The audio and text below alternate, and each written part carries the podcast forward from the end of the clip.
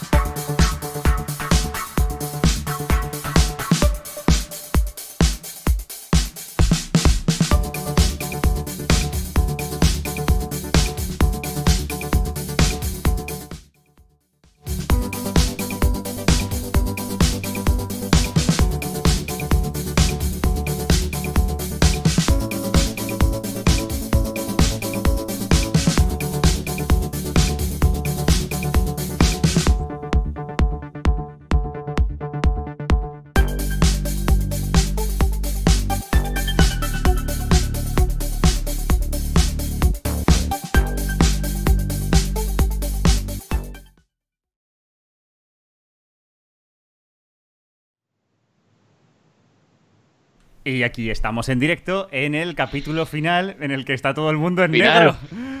No, No, no, está todo el no. mundo en negro. Oh, no. No, Pero esto no. me parece precioso. No, O sea, esto es definitorio de toda nuestra trayectoria. Totalmente todo en negro, qué mal. A ver, espérate, voy a, voy a Pero al menos la se nos escena. escucha. Se, se os escucha, eso desde luego. eh, Vale. voy a intentar, voy a Pues intentar nada. No te preocupes. Yo ya acabo de lanzarlo por redes. Ahora lo comentaré también en mi propio Twitter. Vale, estupendo. Aún así, Pero- nos están está escuchando, o sea que estamos, estamos a tope. Eh, tenemos aquí, hay una voz de Ultratumba, que es nuestro invitado. ¿Qué tal, Alex? ¿Cómo estás? De ultratumba, tan mal sono. No. oh, man. Ah, qué mal esto. Eh, a ver qué. ¿Qué puedo te pasa? Pues, pues, pues, pues, pues, pues. A ver. Bu- Que has cortado la presentación, Vale, te lo relevo tengo, yo. Lo tengo, lo tengo. No, murió. Eh, A ver, mi ordenador va muy lento, así que yo no sé qué está ocurriendo. pues están pasando muchas cosas. Están pasando muchas cosas en esta vida, realmente.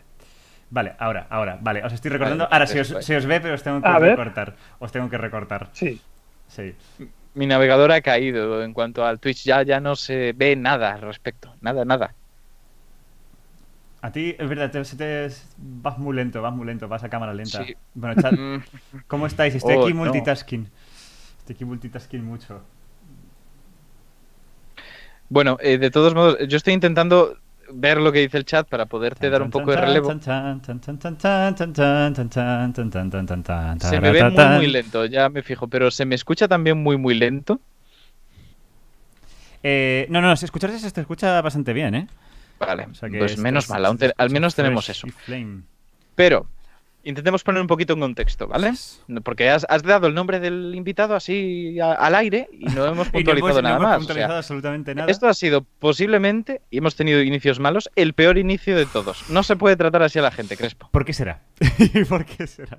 No se puede tratar así a la gente. Pero, como estaba diciendo, tenemos con nosotros, tenemos la suerte de tener por fin aquí a Alex Ribeiro, que es uno de los divulgadores más grandes de habla hispana, y eso es así. Está especializado en divulgar sobre eh, el universo, el cosmos, lo que tiene que ver con astro cosas y lo hace además en muchísimos formatos. Es un todoterreno. Twitter lo tiene, vamos, dominadísimo. Tiene también podcast, tiene canal de YouTube y tiene Twitch. ¿Hay algo a lo que no le des, Alex? Eh, sí, sí. Bueno, tengo el blog también. Que no es lo verdad. mencionado. El blog, el También blog. tengo el blog. Pero eh, sí, a ver, no tengo TikTok, eh, Vale, yo tampoco. pero sí tengo Pinterest, aunque es para subir eh, artículos del blog en realidad. Eh, no tengo MySpace, Tumblr y demás, o sea que sí, hay, hay terrenos que no he pisado. Vale, vale. Pero son terrenos secundarios. Eh, sí, sí, las cosas como son. Pero lo del blog me ha parecido interesante. Aquí siempre hacemos mucha apología de los blogs, de lo escrito. Se está perdiendo un poco, por Mm. desgracia. Cada vez tendemos más a otros formatos y eso no es malo si supiéramos al menos valorar lo que dejamos atrás, ¿no? No simplemente renegar de ese formato escrito. Así que el blog muy interesante. Yo he leído unos cuantos artículos tuyos. Muchas veces cuando no estoy seguro de si he entendido algo, miro si has escrito un artículo al respecto y digo, vale, más o menos se parece. Así Vale. que os lo recomiendo a todos, de verdad. Los blogs defendidísimos aquí en este programa. Sí, totalmente. Mm. Tengo que aprovechar y le felicito a Mickey Doc por su cuarto mes de suscripción, Mickey Doc. Patrón, muchas gracias. A mí me parece un compromiso, o sea, me parece muy bonito que haya gente que Muy se esté suscribiendo en nuestro último programa, Exactamente. porque nosotros ya no podemos prometer nada. A ver, a ver, tengo que decirlo. Yo seguramente este verano hay- haya. A ver, no vamos a address this question realmente. Este realmente es el último programa. O sea, es el final de verdad. Y. No hay, no hay truco, No no, hay es nos vamos de YouTube, no, No no, hay trucos. es el final. Es el final. Al me- No hay trampa. No hay trampa, no hay trampa. Por eso, claro, por eso, por eso, Alex, tenías que venir en este programa, evidentemente. Claro. Es el final O sea, llevamos desde, yo creo, desde el primer programa, desde el primer Desde programa. el primer programa te estamos haciendo raids. Desde el primer Exacto. Si estáis, sí, sí, ya estamos acostumbradísimos a las raids. Entonces, Ya, ¿a- ¿cómo ¿a por no? dónde vais a salir con la frase? No, pero las raids sí. Es que eso no lo sabemos ni nosotros. Pero era, era una buena opción decir, y para el último programa, ya que hemos estado, o sea, ha sido parte del programa, ha sido to- todo lo post, donde la gente se queda y dice, es que quiero más ciencia, y la encuentran allí. Así que, ¿por qué no coger y darte un espacio aquí también para que nos vengas a contar cosas sobre el universo y cómo se trata muchas veces de forma popular en prensa, en divulgación, con sus más y sus menos, con sus errores y sus aciertos? Sí. Aparte de esto, decir que muchísimas gracias a Ander Murias por haberse suscrito por segundo mes consecutivo. Otro que se compromete en el peor programa. Peor porque nos vamos, no porque mala calidad, por supuesto. También gracias a Custodian por su donación de bits. Bueno, Custodian. cust- aprovecho, Custodian Pandora. Muchas gracias por, por todo. Paula, Paula ha estado muy a tope en el directo. Eh, Hemos acabado un directo en, en Cosmocaxis y estaba Paula ahí en el chat spameando. El directo Totalmente. este. O Ella sea ya que- es moderadora en la vida. No, no solo Así en que- Twitch, es moderadora en la vida. Bueno, Yo la Paula, imagino. A los dos, muchas Claro, gracias. tiene, conversa- tiene conversaciones con sus amigos o con su familia y, y está en la mesa con el teléfono poniendo enlaces, ¿sabes? O bloqueando gente. Bloqueando Está- gente venga, fuera de esta persona aquí. Exacto. Modera hasta la, hasta la comida, seguro. Exacto, es como Chaplin en tiempos modernos, que se pasa en la fábrica apretando tuercas tanto tiempo que sale y va apretando cualquier cosa que se encuentra. Es, es ese concepto. Hmm. Eh, esto no sé si se me ha colgado. o No, si no, no, no, vas, vas fresh, vas fresh. Ha sido un silencio incómodo. Oh, Dios mío, vaya. Oh, vaya. Eh, Bueno. Em, que, que es que como no os veo, porque yo tengo hoy ese hándicap, yo os estoy viendo con el doble de retraso del que me veis vosotros. Entonces ahí Ah. ya no sé muy bien cuándo hablar yo o no. No, tú dale, tú dale, tú eres el que diriges esta, esta movida. Este, este, ¿Qué este, este capítulo final. Esto es el barco hundiéndose, ¿no? Un poco. Claro. Falta, es un falta lo poco- que está el Titanic. Nos falta lo que te- Un poco, un poco. Este es el programa de hoy. Creo que hoy deberíamos hacer el esfuerzo extra un poco de que la gente, que si, si la gente tiene alguna preguntilla o cualquier cosa en el chat, vamos a estar muy receptivos. Muy receptivos. Vamos a intentarlo. Vamos a intentarlo. Con todas nuestras fuerzas. Por supuesto. Y vamos de todos modos a tratar los temas de siempre antes de meternos en vereda y de ya poderle dar a Alex el protagonismo que le toca, que le estamos aquí teniendo sin darle apenas paso y me sabe fatal. Pero, cosas que hay que comentar sí o sí. Esto de Scenio TV es altruista en cuanto a que no cobramos, pero es verdad que sí que podemos llegar a reunir dinero para otras actividades, para mantenimiento, para comprarnos una cámara, para lo que sea. ¿Cómo? Con vuestras ayudas. Ayudas que vienen a través de los bits que dejáis en el chat, de las suscripciones que hacéis, que os sale gratis si tenéis Amazon Prime, y de todas estas pequeñas cositas, que además no caen en saco roto, tienen su retribución. Tendréis eh, emojis, emotes de estos que sean exclusivos. Poned ejemplos, que siempre pedimos. Poned ejemplos de los emotes de Scenio. Es ahí, disparad, Aparte, disparad. Claro, Poned ejemplos de aparte los de esto de tenéis el Discord propio de Scenio para hablar con nosotros 24 horas al día, 7 días a la semana y no solo el chat, aunque como decimos siempre, sentimos no estar tan presentes como deberíamos. Crespo y yo no somos los que más hablamos por ahí y lo sentimos, pero hay mucho movimiento y de hecho, entre las muchas cosas que se fraguan allí, está el fanfic al que tendremos que hacer referencia en algún momento. Pero para rematar con esos beneficios de suscribirse está que el 50% de todo lo recaudado, el 50%, se destina a la lucha contra el cáncer. Se destina a la Asociación Española contra el Cáncer para lo que sea, concretaremos, pero será una donación. ¿Y qué es lo bueno de todo esto? Oye, pues que al menos, desde luego, no cae en saco roto. Estamos apoyando la ciencia, pero habrá gente que le dé una vuelta y diga, sí, pero fíjate, hay un hack aquí, hay algo que podría hacer si realmente apoyo el cáncer. ¿Qué, qué es, Crespo? ¿Qué puede hacer la gente? Pues lo que puede hacer la gente es, en vez de darnos el dinero a nosotros, pues se lo da la fundación, completamente a la fundación y, y- y ya está. No, Pues ya está. Ya está, y nosotros no vemos un duro. Aunque también es Va cierto... y dice, pues te doy 100%, toma. Ya está. Aunque es cierto que si tenéis Amazon Prime y no os cuesta nada, pues le estáis robando el dinero a Amazon y dándose a la fundación contra el cáncer. Eso es, Lo cual eso también es. es. una buena estrategia. Es una estrategia interesante, pero nosotros nos sentimos contentos de- diciendo eso, ¿no? Si no, no nos quedamos tranquilos. O Que desde el primer programa estamos con la monserga esa de O dar también el 100%. podríais, podríais abrir vosotros mismos un vuestro canal de Twitch y de algún modo hacer que ese dinero vaya a vuestro canal de Twitch y así os lleváis O el 100%. podrían, o podrían montar su propia asociación española contra el cáncer. Financiar a sus propios científicos. Exacto. Todos son opciones. Yo quiero que las tengáis y que tomáis la decisión en función de eso. Y darle las gracias a alguien que ha tomado nota de todo lo dicho y ha decidido aplicarlo. Pues bueno, dos personas ya, que son. Nathaniel 3 y Alex Tebel. Sí, ¿no? Pone eso. Alex Tebel. Alex- Oye, qué bien lo estoy Tebel. pronunciando hoy. Y también, eh, y también Kilenete acaba de hacer una donación en, en Bits. Oh, Muchísimas maravilloso. gracias, chicos. Muchísimas gracias. Pues eso que-. Infinitas gracias. Y a Centro Médico Pontevedra, Iago, que viene ya por cuarto mes consecutivo también. Yago, muchas gracias por tu, por tu sub. Pero volvemos a lo mismo, ¿eh? Yago es una de esas personas que yo sospechaba que llevaban aquí desde el principio y veo aquí solo cuatro meses. Muy feo, algo pasa. Algo pasa. es aquí. el, es el programa perfecto para empezar a pasar cuentas. ¿eh? O sea, Sí, sí. A ver, tú llevas aquí desde el principio cuatro meses. ¿Qué está pasando aquí? Vamos a ver. Totalmente. No, esto no está. No, hombre, a todos muchas gracias, muchas gracias, lo apreciamos mucho. Eh, lo utilizaremos bien. Por supuesto. Hablamos rápidamente lo del fanfic para que la gente se quede tranquila y nos metemos ya en vereda. Eh, sí, básicamente, pues, pues Perfecto. no hay fanfic. Es imposible. Es imposible llegar a esas 100 denuncias, ¿correcto? Ah, yo creo que lo miré ayer, porque estuve en el directo del cambio climático son los padres. Creo que es en singular, ¿no? Para pe- preguntar el comando. Denuncia, denuncia. Y me dice que tenemos 83. Tendrías que decir hoy 17 insultos para llegar al límite y que tuviéramos que, que cumplir nuestra No, sentencia. no, vamos a. Vamos a. Ni vamos a una, por- no vamos a portarnos ni una. bien, no vamos a portarnos bien hoy. Hablando de Quiero, lo que, quiero vamos que a sea yo lo veo, lo veo alcanzable. ¿eh? Eh, uh, eh, eh, justo esa es la gracia, que como hemos tratado temas muy controvertidos, aquí Crespo, Pepelu se ha Sí, calentado mira, muchísimo. De hecho, os vamos a dejar aquí las, las reglas por, Por si, supuesto. por si queréis aún seguir jugar. Bueno, aún estamos a tiempo. Es decir, Mm, no voy Recordamos, a- Recuerda qué es lo que hay que hacer si llegamos a las 100. si llegamos Si- a las si 100, insultas tanto. eh, Ignacio y yo tenemos que leer eh, un eh, relato erótico, erótico festivo. o de cara- En de- en el stream. en el stream que nos van a preparar nuestros subs y nuestros Pero a- no hoy, no hoy, tranquilo, Hoy Alex. no, otra vez. Y nuestros amigos. ¿Qué podría salir mal? Eso qué podría salir mal, efectivamente. Eh, yo no sé por qué aceptamos esto ni cuándo lo aceptamos.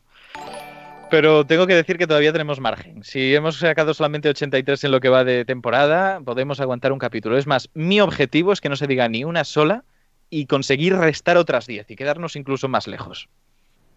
Así que Vamos a intentarlo, vamos a intentarlo muy vamos a por ello. Vamos a por ello. La gente no, no le ha hecho gracia, ¿eh? que dejemos tan claro que no vamos a llegar al límite. Pero bueno, podéis soñar. No os quitamos eso. Eso. Al final lo que les estáis diciendo, pensad, o sea, estáis diciendo, decís, no, se hunde el barco. No, no, es que resulta que ya es una balsa lo que se está hundiendo, ¿no? Porque esperaban el fanfic, esperaban Claro, están viendo que, que ya estáis, estáis aligerando carga. Me gusta, me gusta Nevesu que dice, Pepe Lu, contamos contigo. Yo como si fuera a ser tan agente del caos como empezar a soltar gilipolleces aquí. Uy. Pero es verdad que sabíamos que iba a ser por nuestra parte un último programa decepcionante en cuanto a que no vamos a leer el fanfic, va a ser el último, pero precisamente por eso hemos dicho, vamos a traer a invitado de nivel, pues vamos a traer a Alex y que nos hable un poco sobre todo esto. Yo el otro día te lo comenté, cuando te dije de que iba a ir el programa, que, bueno, yo le tengo especial tirria a los titulares chungos en prensa, a los titulares chungos del mundo Sí. del espacio. Entonces, vamos a poder hablar de ello con tranquilidad, pero tal vez sea interesante preguntarte si recuerdas algún titular especialmente malo o alguna aproximación que se ha hecho desde la prensa a un evento que digas, Dios mío, no sé por dónde coger esto. Eh, a ver, el del Asteroid Day hace unos días fue especialmente malo. Bueno, hace una semana ya. De Antena 3 fue, fue especialmente malo, hasta el punto de que terminaron borrando el tweet. Uh, eso pasa poco. sí, sí. Eh, sí, a mí me ha pasado ya alguna vez que sí que les digo, es verdad que entro un poco a, a cuchillo. Y que tú O sea, tienes peso en Twitter. Parece ser, sí, porque eh, no es la primera vez que les digo algo que, eh, que terminan borrando.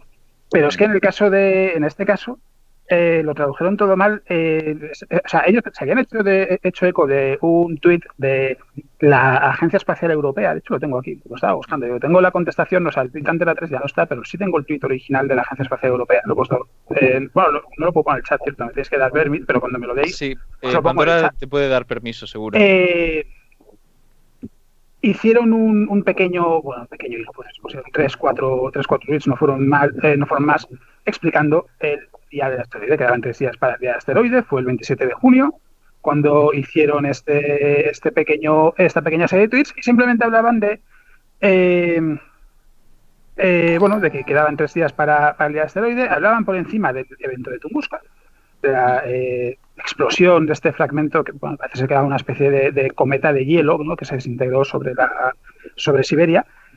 Y decían, yo no sé, no sé qué interpretación hacían, qué traducción hacían de, de los tweets que había puesto eh, la Agencia Espacial Europea, que decían que quedaban tres días para que se estrellase un asteroide contra la Tierra. Y que Qué lo había bien, anunciado ¿eh? la Agencia Espacial Europea. Y yo, pero vamos a ver. Dices, "Pe- pero vamos a ver, es Que que siempre lo, siempre ver". lo anuncian, o la Agencia Espacial Europea, o la NASA, da igual quién lo haya dicho realmente. De algún sitio se van a sacar que lo han dicho estas instituciones, ¿no? Sí, a ver, hay que decir que sí que me sorprendió que fuese eh, la, la Agencia Espacial Europea, que me, me mencionasen la Agencia Espacial Europea, porque eh, eso seguro que lo sabéis también como yo. Es, eh, voy a poner el link, no sé si habéis puesto el permit, no, no me habéis puesto. Oh, vaya, Eh. es que nosotros no sabemos ponerlo, o al menos yo no sé. Mira, anular el veto a Alex, puedo hacer eso. Sí, No, está vetado en este canal. Claro, es un segundo, no estoy vetado. Es el, el Claro. robot cuando pones un link te echa un segundo y ya está, no pasa nada. Es Lo que no sé es si Pandora, que está por aquí, o Custodien, que son los moderadores, pueden darle permiso para... Sí, ya está, ya está. Le han dado permisos está. mágicos. Eh, no lo puedo poner todavía porque pone que hay que esperar 30 segundos para poner ahora. Oh, no. Eh, decía que normalmente lo que dicen es la NASA ha anunciado que un asteroide podría chocar contra la. Tierra o que pasará cerca de la Tierra. Y yo siempre digo lo mismo, cuando leáis alguna noticia de esas, antes de preguntarle a nadie, nasa.gov, que es la, la web de la NASA, y a ver si hay alguna noticia de algún asteroide. Y veréis que lo que pasa siempre es lo contrario, que la NASA llega a un momento con algunos asteroides que terminan escribiendo para decir que no, que ese asteroide del que está hablando todos los medios diciendo que ellos han avisado de que no va a chocar contra la Tierra, que no solo eso, es que va a pasar a millones de kilómetros. Y, y eso es especialmente sangrante porque ¿cuántas veces pasa a lo largo del año? Cada año. Ah, vale, ya os, ha puesto, os, han puesto el link ahí, así que le podéis echar un, un ojo. Y, y bueno, en este caso fue el, el asteroide este fue el 2000 SG-344, de 40 metros. Decía, no, la, la Agencia Espacial Europea avisa de que podría chocar, de que chocará en, en tres días. Es como, pero vamos a ver, que es que ni siquiera diciendo podría chocar, no, no, que chocará en tres días. Claro, claro, es y era seguro. tres días hasta el Asteroid Day, día del asteroide. Y ellos interpretaron día del asteroide de el día decretado por, eh, por la ONU para, eh, bueno, pues para concienciarnos de, del riesgo que suponen los asteroides y demás. Eh, no, no, es el Asteroid Day porque es el día en el que el asteroide choca contra la Tierra. Pero vamos a ver.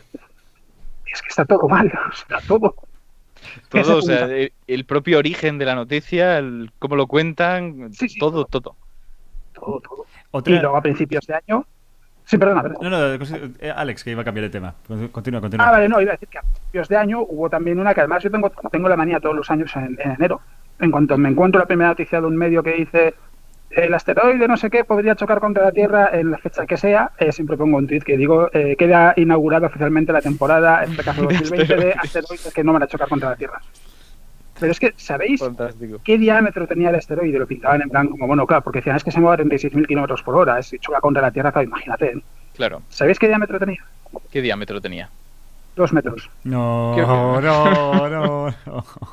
Os lo prometo, Ay. os lo prometo. Yo, ah, claro, a ver, cuando ves la designación del asteroide, en principio, a menos que sea un asteroide del que se habla a menudo, no sabes cuál es. Claro. Fui a la, a la página de Sentry, Sentry Risk de, de NASA, metí eh, la asignación, dos metros. Digo, tiene que estar mal, tienen que haberlo notado mal, no puede ser este.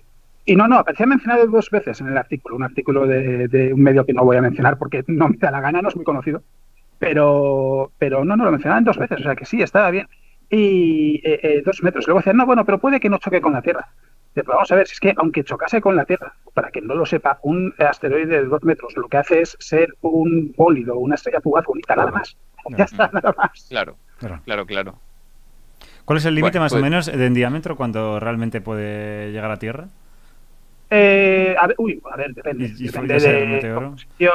Es que depende en realidad de la composición, del ángulo de, de impacto, depende de, de varios factores. Pero, por ejemplo, hace, de hecho, hace unos días lo comentábamos. En Tokio hubo un bólido hace dos semanas, una cosa así, eh, muy brillante, en, en plena madrugada. Y eh, leíamos ayer la noticia que una, una chica, al abrir la puerta de su casa, se encontró un fragmento ahí pequeñito en, en la puerta de su casa. Os prometo que es una historia real y era un fragmento de un meteorito de unos, eh, ¿cuánto era? 10 metros, menos de 10 metros. O sea que depende, depende del tamaño, depende del tamaño del ángulo. Por ejemplo, el de Chelyabinsk, el bólido de 2013 en Rusia, que fue muy mediático Sí. porque, claro, fue eh, había muchísimos vídeos, luego la estela en el cielo era espectacular.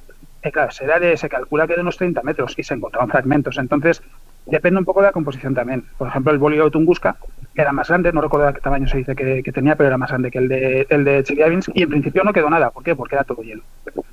Claro. O sea, que Aquí, aquí nos indican, como dato muy relevante en el chat, que ese, ese cuerpo de dos metros sería el equivalente a unos cuatro pangolines. Así que ya lo tenéis ahí todos Importante. claro. Cálculo de. Carlos de QM12. Y cómo no, tenemos que hablar de pangolines siempre que salga en el chat. Somos como Ah, estadounidenses. A nosotros o nos lo dicen en pangolines o que nada, con el sistema métrico que no venga. Claro, Que no en este En canal- pangolines, por favor. Exactamente. Que, que luego te preguntaremos, Alex, qué es lo más raro, lo más desconcertante de todo lo que hemos pedido a nuestros chateros que te digan Sí. cuando hacemos raid. Para Vale. intentar solucionar y entenderlo. Pero para seguir con esto. Sí. sí, me En- imagino. Pero en, en ese sentido, una de las noticias también que supongo que sa- las sacan más de madres son las de las exotierras. Me imagino. Es como que todos los días están encontrando esas exotierras. Ya hemos encontrado una nueva tierra, un nuevo ejemplo para la tierra. Mirad, ya está aquí. A ver. Por una parte lo entiendo y por otra parte me aburre. claro. Es un poco, es un poco radical, pero o sea, por una parte lo entiendo en el sentido de que está bien para, para hacer que, eh, claro, al final nosotros estamos muy metidos en el mundo, eh, estamos muy, muy pendientes de los descubrimientos que hay constantemente, entonces claro, eso es como, caray, otro descubrimiento de otra exotierra que no sabemos cómo es, Eh, pues mira, otra más a la lista de a lo mejor algún día sabemos cómo es, ya está, no tiene más Claro. importancia. Pero claro, es verdad que muchos de esos descubrimientos pasan desapercibidos en el, para el gran público porque no se habla de ellos, a menos que sean planetas más o menos cercanos a, a la Tierra. Eh, o que se descubran de alguna forma rara, como por ejemplo con una microlente gravitacional. Sí. Que, eh, bueno, microlente gravitacional, para quien no sepa qué es, es literalmente pasa un objeto más masivo por delante de, eh, de una estrella, por ejemplo, una Un estrella, por ejemplo, sí, delante de de, de otras. Mm. eh, eh, exacto.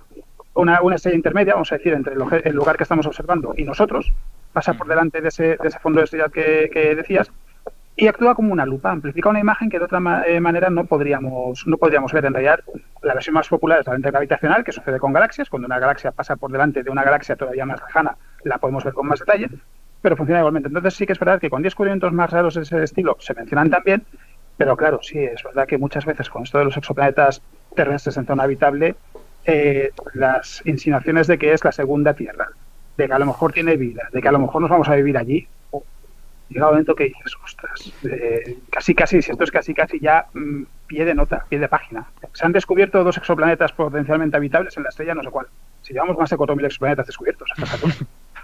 Pero yo sospecho, al menos viéndolo desde dentro, que es que no hay memoria al respecto. Como la gente que hace estos artículos normalmente los hace por rellenar palabras y, o los traduce o te los copia de una agencia de noticias o simplemente te relata la imagen, te dice, oye, pues he encontrado, ni te explica cómo, ni qué implica, ni nada más al final pasan tres semanas, pasan cuatro semanas o dos meses y no se acuerdan de lo que han escrito. O te lo escrita ve otro de la plantilla que no sabía que ya se había encontrado uno hace unos meses.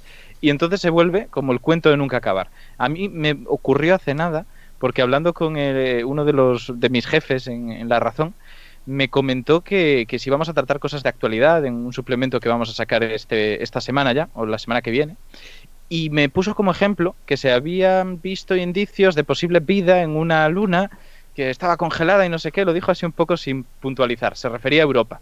Y claro, yo le dije, sí, pero lo de Europa es algo que no se ha avanzado significativamente con esto último que ha salido. Es lo mismo que hablamos desde hace años. Yo tengo ahí un libro de exoplanetas y astrobiología que yo creo que me lo leí hace cinco años, un libro de texto, y, y que ya dedicaba parte a Europa. Es más, en la propia sección nosotros teníamos ya un artículo dedicado a Europa de hace unos cuantos meses, hablando de ella más o menos en profundidad. Así que no me sorprendería que todo esto de repetirlo tanto fuera porque la memoria es muy finita. Sí, de hecho, os iba a preguntar, ¿os acordáis del sistema Trapistuno, imagino? Hmm. Mm, sí. Eh, yo hablé de, de Trapistuno en el blog, porque no en aquella época te habían empezado con los, no había empezado con los hilos. Y cuando vuelvo a escuchar Trapistuno, digo, pero si de este sistema ya hemos hablado. No, un sistema nunca observado antes. Digo, no, pero vamos a ver, si de este sistema en 2016, si no recuerdo mal, se anunció que tenía tres planetas. Y ahora lo que han descubierto es que hay, tiene cuatro más, que tiene siete, que no, o sea, que no es la primera vez que se observan los siete del tirón, no, no. Ya se sabía de esta enana roja, se había tres planetas y luego se han observado cuatro más. Que sigue siendo espectacular porque no deja de ser un sistema con siete planetas, al menos seis de ellos son cosas, seguramente los siete. Pero claro, no es lo mismo, se descubren siete planetas del tirón que aquí ya conocíamos tres y hemos descubierto cuatro más, que para mí es incluso más meritorio, porque es, eh, has visto que hay tres y en vez de dejarlo y te dedicas a estudiar otra estrella, sigues investigando para que la gente se dé cuenta de que en realidad eh, una estrella no se estudia una vez y ya está, no. Muchas veces se tiene como mínimo la sospecha de que pueda haber más objetos y se sigue analizando en posteriores eh, ocasiones para ver si encuentras más cosas. Y yo creo que va por lo que decías tú también, por falta de memoria. Es posible. Dice por aquí Centro Médico Pontevedra que Trappist 1, que qué gran cerveza. Así que fantástico, un chiste doloroso a más no poder. aprovecho por, para agradecerle un montón a Felipe 4NT4ND3R, que parece un nombre de exoplaneta. Eh, Su suscripción, muchas gracias. Pues sí, infinitas gracias a todos los que os estáis suscribiendo en este último episodio, porque nos vamos y no volvemos y no nos volveréis a ver por aquí. Es duro, ¿eh? Es duro escuchar. No, le digas eso. no le digas eso. ¿Cómo te gusta? ¿Cómo te gusta? Em, Hombre, es la verdad. También, Alex, no hay más tu crespos. ¿Cuántas veces se han puesto artículos con que el universo realmente no se expande aceleradamente? ¿Cuántas veces? ¿O cuántas veces se ha hablado de, eh, de, que el, universo, eh, o sea, cuántas veces se ha hablado de la expansión del universo y nunca llegan a explicar realmente eh, por qué esta vez que se vuelve a hablar de que hay dos valores diferentes, es si es una noticia relevante y no es como las últimas cinco veces. O sea, eh, con cosas, sí, con todo lo que tiene que ver con el universo, ahí eh, bueno, también da para, para, ríos y ríos de tinta, ¿no? Pero eh, mi impresión en general es que muchas veces esto pasa eh, al margen de por cómo funcionan los medios, porque no tienen la paciencia de, escribir a cualquier persona que, que esté metida en el mundo para decir, oye, tenemos esta noticia, no la entendemos muy bien, porque a ver, las cosas como son, no en todas las redacciones de España y del mundo eh, va a haber gente con formación eh, para entender una noticia que sea un poco más técnica.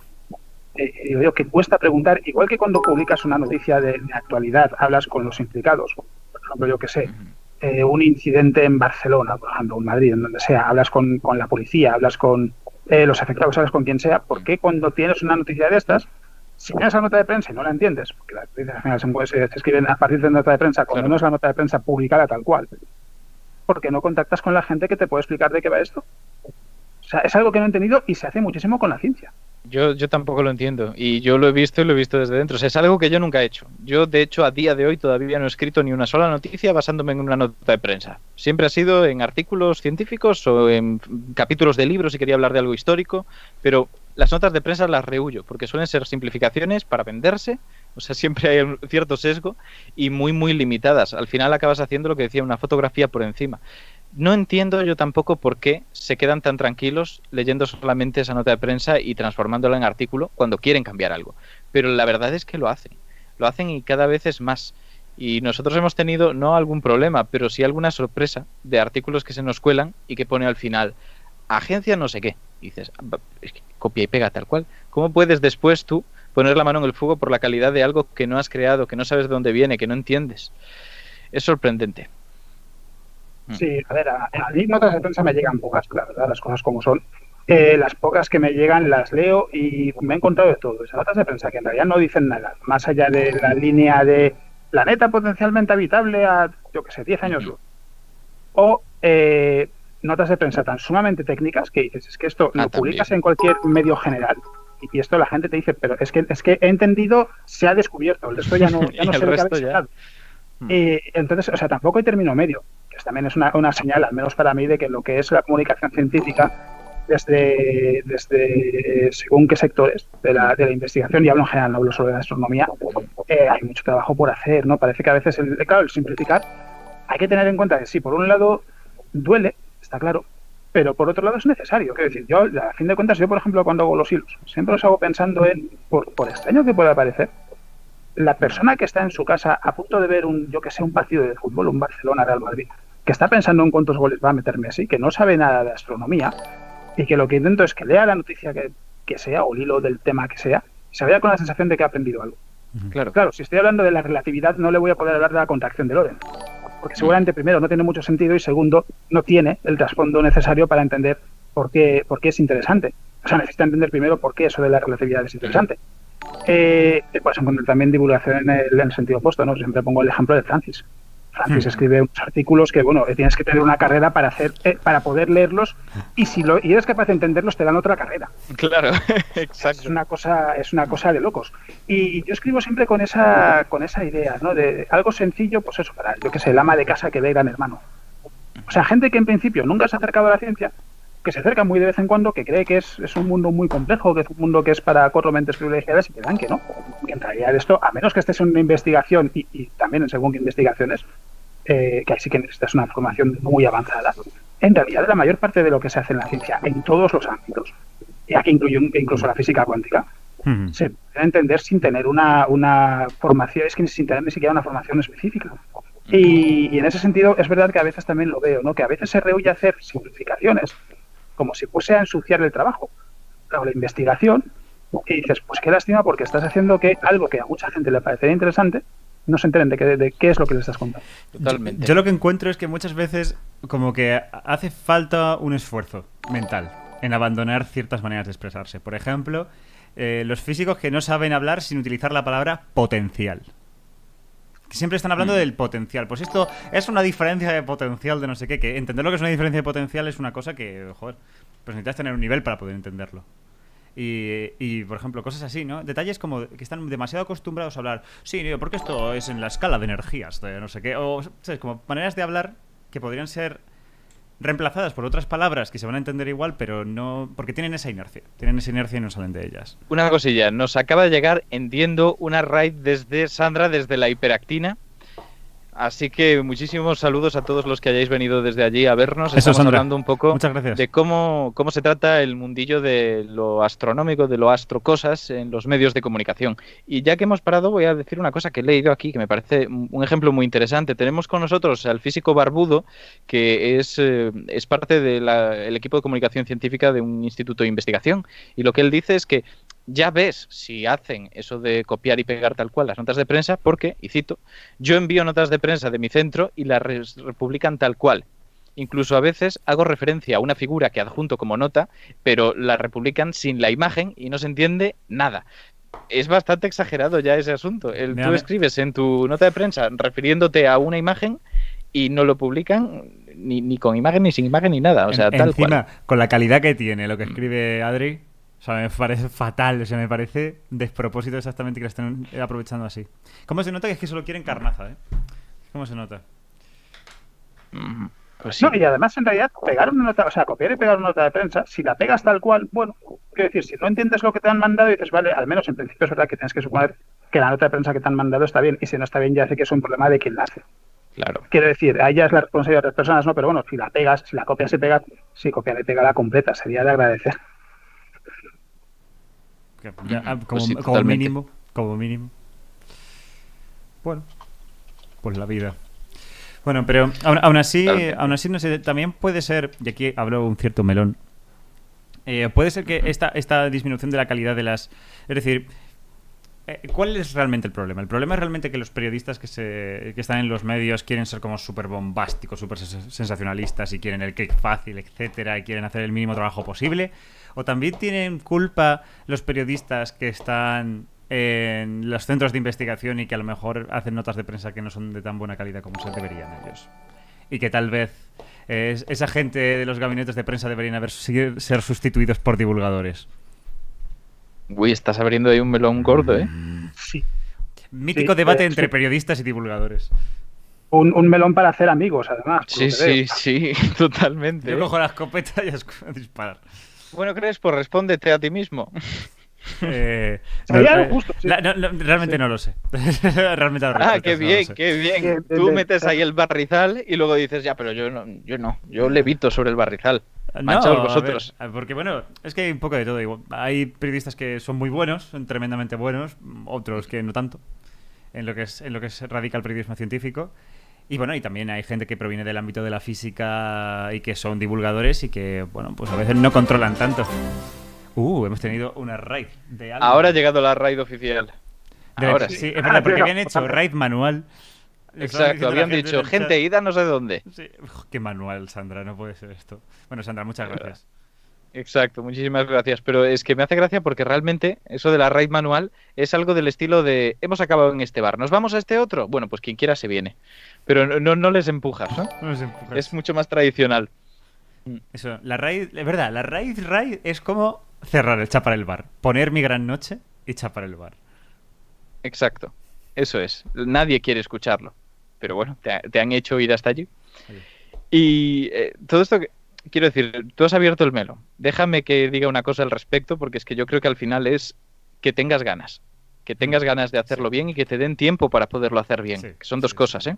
A veces el trabajo y el ritmo al que se somete a la gente que trata contenidos en prensa es muy loco. No hay tiempo para formarse y no hay tiempo para dedicarle a releer esa nota de prensa. A veces es así de triste.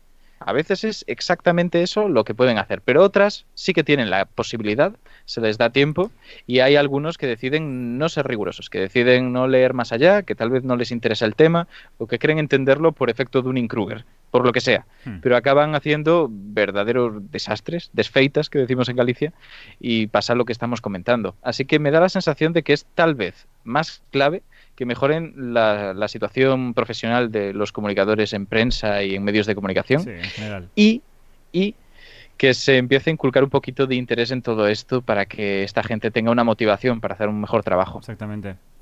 Eh, No sé, Cambio de enfoque, diría yo, en el sentido de que, claro, esto además, eh, Ignacio, tú lo sabrás también eh, muy bien. Ahora, eh, lo que más prima en los medios es el clic. La gente tiene que hacer clic, tiene que entrar en la noticia como sea. Entonces, si vende más un, un asteroide podría chocar contra la Tierra, que un asteroide va a pasar a 7 millones y medio de kilómetros y no plantea ningún peligro, el titular que se va a poner siempre es el primero, aunque, aunque la persona que lo escribe sepa que es incorrecto. ¿Por qué? Porque los de arriba dicen que eso es lo que escribes y si no es lo que escribes no te preocupes que habrá otra persona que lo escriba en tu lugar. Eh, Eso es así. eh, Es- Habría que empezar por ahí en cuanto a conseguir hacer que la sociedad, y aquí sí que diría la sociedad en su conjunto, se dé cuenta de que la ciencia eh, es algo que es, que es interesante por sí mismo, que no hace falta buscar titulares manipulados para, para llamarnos la atención. Exacto. Eh, a mí los titulares es de lo que más se me resiste, porque yo me niego a hacer titulares que, que sean falsos en cuanto a que digan lo contrario a lo que realmente dicen la noticia o que exageren demasiado las cosas. Pero es verdad que tampoco pueden ser cosas anodinas, porque si la gente no entra al final, ¿a quién le estás comunicando? Entonces ese equilibrio es difícil. Yo, por ejemplo, hoy he publicado una noticia que es dinosaurios con cerebros en el culo.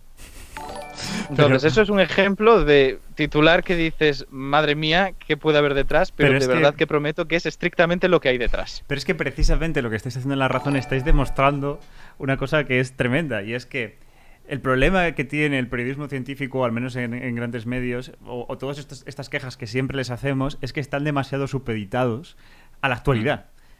Al hacer siempre, o a que los periodistas están haciendo siempre ciencia de actualidad, tienen que coger lo que hay, intentar venderlo como sea, aunque sea de cero interés. Cuando realmente, cuando una persona sabe de ciencia, como vosotros, los que estáis haciendo la sección de ciencia del- de, de la razón, Uf, lo he dicho Mm. bien, ¿no? Se, se me han Sí, cruzado sí, todos sí, los lo periódicos en la cabeza por un segundo. Em, pues eso, cuando tú sabes de ciencia, tú te das cuenta de que todo es clickbaitero.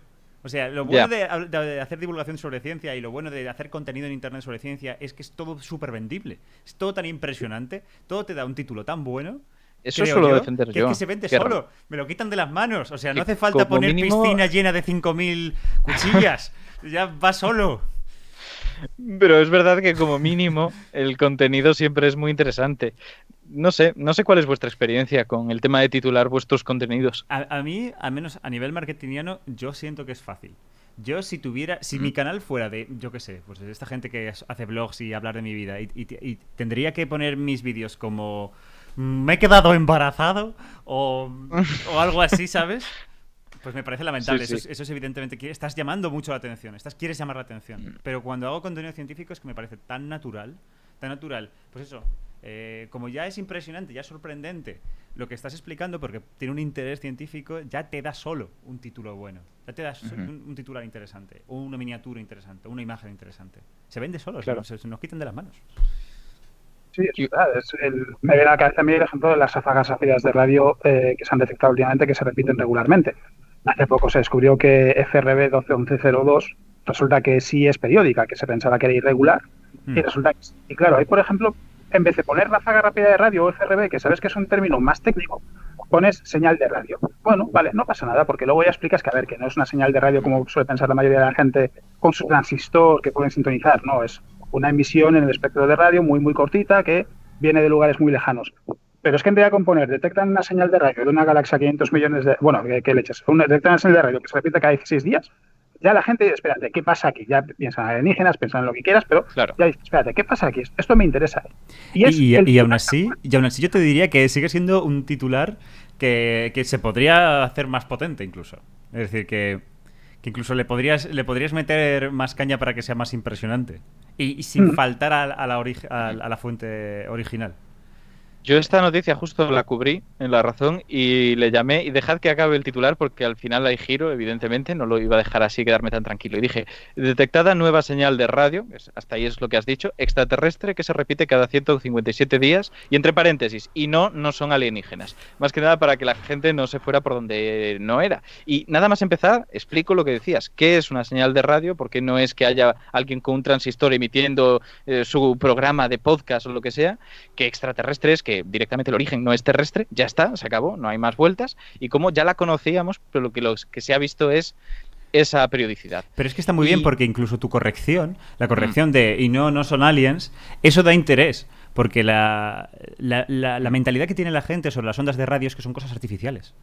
Entonces, si tú mezclas ondas de radio y no son alienígenas, en plan, vale, si no, este pero esto, ¿esto qué es? ¿Esto cómo puede ser? Yo creo que eso subvierte mucho las expectativas, entonces es un buen título. Imagínate la gente diciendo, no son alienígenas, son reptilianos. Y ahí ya... ¿Quién es el que está emitiendo? Sí, sí, Exacto. Ah, en fin, los titulares. los titulares. Alex, tú, tú con, los, con los títulos, el marketing, vender el pescado, ¿a ti te, te estresa mucho tal? Porque esto he hablado con un montón de divulgadores y me dicen, joder, es que a mí me, me gusta mucho hacer divulgación, etcétera, pero cuando viene la parte de venderla, cuando viene la parte de, pues hay que pensar en un título, la gente tiene que verlo, pues... eh. No, sé, si- no sé si esa es tu sensación o es la contraria, en plan de te motiva. ver, Depende de qué, sí, depende de qué tema. Quiero decir, por ejemplo, los, los estudios de Abraham Loeb, no sé si sabéis quién es. Sí, sí, eh, sí, sí. En Coffee Break lo hemos comentado alguna vez, sí. Bueno, sí, claro. Eh, claro, es un investigador eh, muy divisivo, ¿no? Porque hay para quien es un- casi casi un fantoche y hay para quien es una persona que, que, caray, eh, piensa fuera de lo habitual, ¿no? Que dice, para que no sepan el stream quién es Abraham Loeb, es un investigador que siempre que surge eh, un objeto para el que no está claro que hay una explicación natural, dice, no, no, señores, Aliens. recordemos que está la posibilidad de los alienígenas. A lo mejor Mm. esto es una señal de una civilización. Claro, la posibilidad de que sea cierto es mínima. Por ejemplo, con Oumuamua lo hacía, ¿no? Decía, Mm. bueno, como no está claro si es un cometa o un asteroide, y si a lo mejor es una nave extraterrestre, una sonda extraterrestre desactivada, porque lleva millones de años viajando por el espacio y la estamos viendo pasar por aquí y no nos estamos planteando esa posibilidad. Claro, en una escala de, de 1 a 100, ¿cuánto de probable es? Pues, pues es eh, menos 10, Ujú. porque no hay ni siquiera evidencias de que haya civilizaciones en los lugares de la Vía Láctea como podría ser, bueno, parece lo más probable, ¿no? Pero claro, no deja de ser cierto que dentro de las posibilidades exóticas, mientras dejes claro que, a ver, esto es una posibilidad muy exótica, es decir, es más fácil que a 100 millones de personas mañana les toque la lotería a que esto sea realmente una nave Claro. alienígena, es cierto que es una hipótesis, es decir, es una hipótesis. ¿Puede ser un Oumuamua una nave alienígena? No parece muy probable, pero es cierto que no se puede descartar. Una vez que ya se dice, no, mira, es que esto es, es- es un cometa, se comporta como un cometa, se mueve como un cometa, va a ser un cometa. Pero es cierto Claro. que se puede, se puede plantear. Entonces, claro, en ese tipo de, en ese tipo de casos sí que es verdad que venderlo es complicado. Porque dices, eh, claro, ¿cómo lo vendes? ¿Oumuamua podría ser una nave extraterrestre? Exagerado, ¿dónde vas? Lo pones entre, en- entre interrogaciones. Por ejemplo. Nave tal, nave tal. Entonces, claro, en ese Mm. tipo de casos es más complicado. En ese, en ese tipo de casos, sí. Luego, eh, a ver, en realidad muchas veces lo que pasa es más encontrar un titular en, en el blog, sobre todo para Google. Porque el problema es que, claro, los, los blogs y los medios en realidad funcionan de manera que cuando tú escribes un titular, piensas en qué tienes que escribir para que aparezca en Google. Sí. Entonces, claro, por ejemplo, con el programa Artemisa, ya llega un momento en el que no sabes qué escribir para poder encontrar algo que no hayas repetido otra vez y que a la gente le deje claro que esto tiene que ver con el programa Artemisa, por ejemplo. Y eso sí que es complicadísimo. Eso es, eso es muy difícil.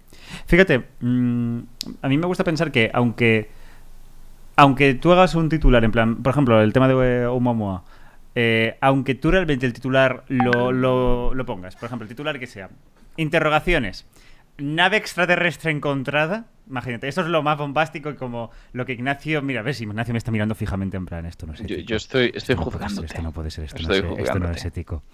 Bueno, pues incluso, a ver, yo Mm. estaría a favor de ese titular si luego en el cuerpo de la noticia eh, lo subviertes. En el sentido de que puede ser que ese titular súper bombástico entre una persona que le mole mucho el rollo ovni, etcétera, etcétera, y que gracias a ese gancho tan demasiado fuerte que está entre eh, consigas tú darle darle la otra visión y que oye ya luego que la persona salga con lo que quiera pero al menos ha recibido y se ha interesado y ha recibido la versión contraria Eh, yo subvertir así lo que piensa la gente utilizando ese tipo de ganchos no lo veo mal principalmente porque soy el imbécil que tiene el vídeo de puedo convencerte de que la tierra es plana Ya. Yo te voy a recordar el una cosa ahora, jamás hecho antes de que te calientes más, y es. mm, cuidado con los insultos. Lo Imbécil no cuenta. Imbécil no cuenta, lo, Pero, lo ojo, Estoy zen, no te, no ojo, preocupes, estoy- soy como un ninja, soy como un ninja. Exacto. O sea, estoy estoy Pero- concentrado en esto. Sobre esto que has dicho, ¿y qué pasa con toda la gente que, y sabemos qué pasa, no lee más que el titular y como mucho el subtitular, eh, el lead de la noticia? Ese es, ese es el problema de los artículos. Son muchos, ¿eh? O sea, yo tengo estadísticas de la cantidad de gente que se va quedando en cada momento de la lectura.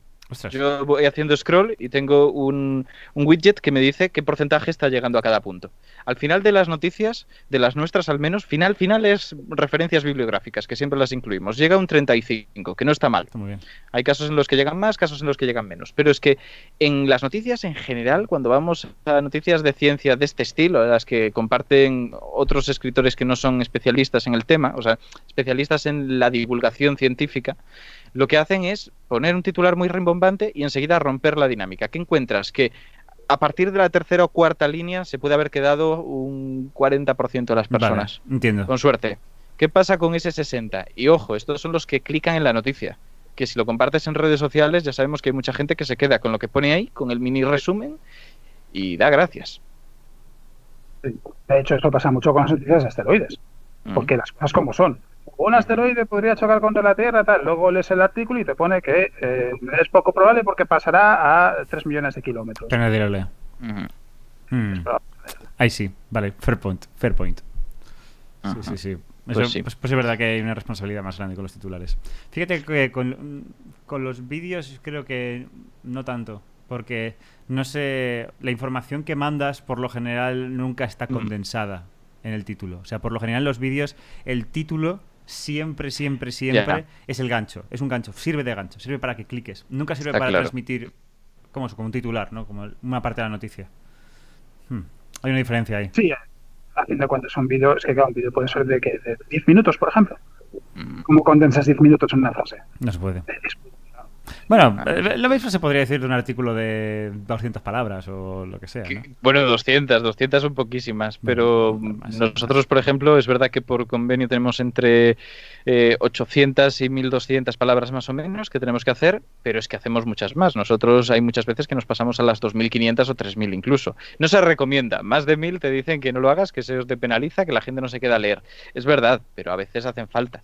Y es cierto que se vuelve muy difícil 3000 palabras resumirlas en un titular que además tenga gancho. Pero bueno, las limitaciones. Lo que hago en esos casos es dividir el artículo en tres. Por ejemplo, el artículo de la Tierra, que tengo en el blog, está dividido en tres entradas. En tres, uh -huh. tres temas de unas mil y pico palabras, precisamente uh -huh. por eso.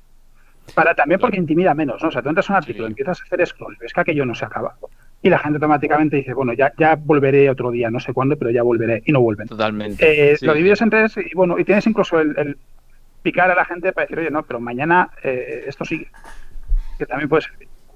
Claro. Eh, lo mismo me pasa a mí con los vídeos estos de exoplanetas que, que estoy haciendo. Lo hubiera hecho en tres vídeos o incluso en un vídeo, pero que sería un monstruo de 40 minutos. O me hubiera dejado un mazo material interesante mm. fuera. Mejor segmentarlo y, y tal. Por cierto, vídeo mañana. Mira el spam ahí. Aprovecho. Mira, pero por ejemplo, voy a poner voy a poner ejemplo de lo que comentas, porque es muy buena idea lo de dividirlos, pero por ejemplo a nosotros no nos funcionaría bien, porque eso implica eh, la estructura del blog es un poco más estática. Las noticias van corriendo y sí. olvídate de encontrar la de hace dos días o tres días. Sí. Entonces, hoy, por ejemplo, Alberto Aparici ha publicado un artículo sobre números peádicos, que es ya meterse en matemáticas a lo loco, abstracción. Son unas, me dijo ayer, creo que 2.700 palabras una barbaridad para un artículo de estos. Al final han llegado un 30%. Final, eso, referencias. Entonces, yo creo que hay veces que el artículo sí te pide irlo alargando y sale casi de forma orgánica. Pero no sé, no sé. En fin. Interesante, interesante. Lo estaba buscando para ponerlo. Y, el, el, este. Y, ah, aquí está. Eh, bueno, uf, ya, ya, me está encantando. Dos crespos, una ignoración, nos dicen por aquí. ¿Por qué? ¿Qué, qué ha ocurrido? ¿Qué ha ocurrido? oh, parece que no está puesto. Oh, fuck, espérate. ¿Pero qué ha ocurrido? ¿Qué, qué está pasando? ¿Por qué una ignoración? ¿Qué hemos hecho? Bueno, pues nada. Parece que ah, lo has puesto. No está funcionando. Bueno. No, no, parece que no me está funcionando tampoco el Chrome. Great. Bueno, no te preocupes. Como siempre. Muy bien, como siempre todo, todo está saliendo a pedir de Milhouse. Pero mira, espera, espera, espera, espera. espera. Lo típico en un barco que se hunde. Claro, es que es parte de lo nuestro, del rollo que, que llevamos aquí. Eh, de todos modos, lo que yo sí que puedo hacer, ¿no? Es compartir pantalla. Okay. Sí, sí, pero vas a estar como muy pequeñito. Esto, esto lo podría haber arreglado antes, ahora va a ser un poco complicado. Yeah, oh, pues no Dios. pasa nada. ¿Qué has hecho, Ignacio? Ignatius, ¿qué has hecho? Nada, simplemente iba a enseñar esto y ahí muy chiquitín sale. Es que no se ve, no se ve nada, ese, ese no. dato ahí pequeño, o sea, te, te, minúsculo. Te, te, lo movería, pero... Bueno, pero me sale ahí donde se va saliendo la gente. Esos, esas barras son gente que se va. Mira, aquí un 15% se largó. Pero que no se ve nada, es lo que, digo, que no se ve nada, Ignacio, que no se ve nada. Se ve todo. Ya paro de compartir. Vale, y ahora solo se ve Alex y ahora también te ves. Perfecto. ¿Os ha gustado, che, chate, ¿os ha gustado este viaje de fantasía e ilusión gracias a Ignacio? La psicodelia. La psicodelia. Es un mundo de las letras. Exacto. Ha sido extrañísimo. Oh, espera, ¿qué ha ocurrido? ¿Qué ha ocurrido? Hay, hay una denuncia. Eh, ¿Quién ha sido? No puede ser. ¿Cómo ha sido? That's not possible. Solo leen si somos faltosos con Ah, ellos. ah. Contador de denuncias. Ah, vale, vale. Astrosopas está comentando que he dicho O, F. Y parece ser que las palabras, las palabrotas en inglés ya entran totalmente. Pero F, F es de F de, De- del meme, ¿no? no, F de, no, no, no F en el chat, sino... Mm, mm, bueno. Vale, vale, ya entiendo. Vale, Bueno, vale, estamos vale. muy lejos, estamos Vale. a 16. FD, como lo digáis, otra vez os cae la, la 85. Totalmente. Totalmente. totalmente. No lo repetiremos. Eh, eh, en este sentido, eh, Alex, ¿a ti qué te ha parecido durante toda esta pandemia? Que esta es otra. Todo, Mm. todo cómo, cómo explotó toda la movida de que todo el mundo veía ovnis. ¿Cómo lo has vivido? ¿Se te llenó? A mí lo que me pasó es que se me llenaron los mensajes de gente preguntándome, ¿pero esto es un ovni o qué? Mira, mira mi vídeo. Sí. Eh, yo, bueno, a ti te pasaría también. Bueno, os pasaría a los dos. Gente mandando vídeos de Venus, observado a través de la cámara de un móvil, que se convierte en un círculo porque la cámara se desenfoca. Y dicen, es que eso, eso no puede ser un objeto natural porque, claro, ningún objeto se comporta así. Y yo decido decirle a la gente, digo, a ver, eso es la cámara de tu móvil que se desenfoca. No, pero es que la cámara de mi, mó- de mi móvil es muy buena. Digo, pues una de dos, o no es tan buena como crees, o simplemente no está hecha para fotografía del cielo de noche, que, es Ah, que, que no es perfecta. Y la cantidad, sobre todo, a mí me deprimió profundamente ver la cantidad de gente que no es capaz de reconocer Venus en el cielo. Sí. Sí, sí. Es gente que yo creo que jamás había levantado la vista porque llevaba una vida muy apretada de, de salir, volver a casa, al final del día muy cansado, ponerse la televisión y ya está. Y de repente han tenido la oportunidad de mirar al cielo y descubrir cosas en las que nunca se habían Me encanta porque en ningún momento. Ar- Arcadi, nuestro óptico de confianza, nuestro físico de- óptico de confianza, nos dice, bueno, y que las cámaras perfectas también se desenfocan. Es que nadie se... nadie se libra Sí, de sí. eso. Ahí está Pero.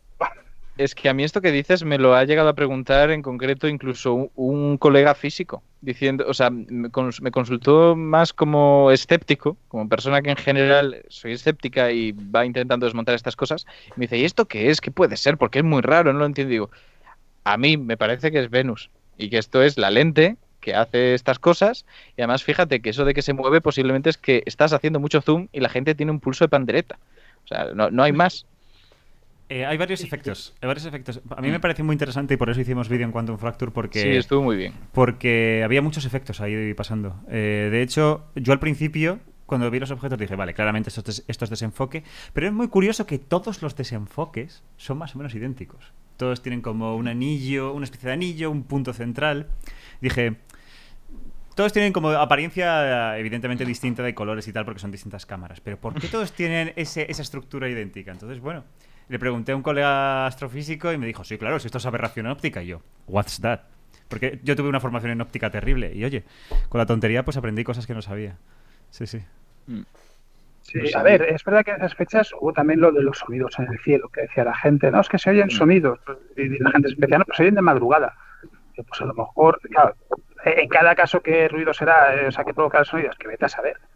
Es que dependerá de lo que pase en tu ciudad, dependerá de lo que pase en donde estés. Es, es imposible tener una explicación para ello, ¿no? Pero la gente, hubo una temporada que parecía que estaba histérica y encima le sumas los satélites Starlink y ya tenemos, eh, Fue la que combo de todo. Eh, eso también me recuerda que muchos vídeos que me mandaron, y era de gente que vivía aquí cerca de Madrid, era como que veían como un montón de luces en, el- en las proyectadas en las nubes. Como que, Sí.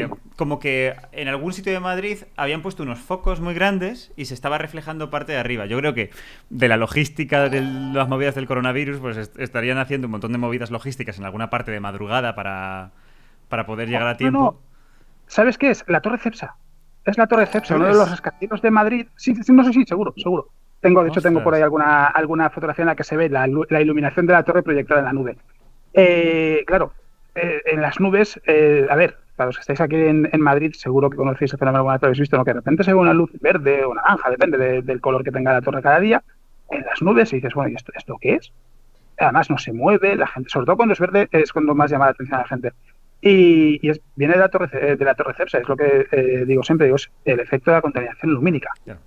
Porque, primero, las nubes no se deberían ver de noche. O sea, las nubes naranjas en el cielo ya es desastroso. Pero si encima ves un color verde en las nubes, es que algo se está reflejando en las nubes.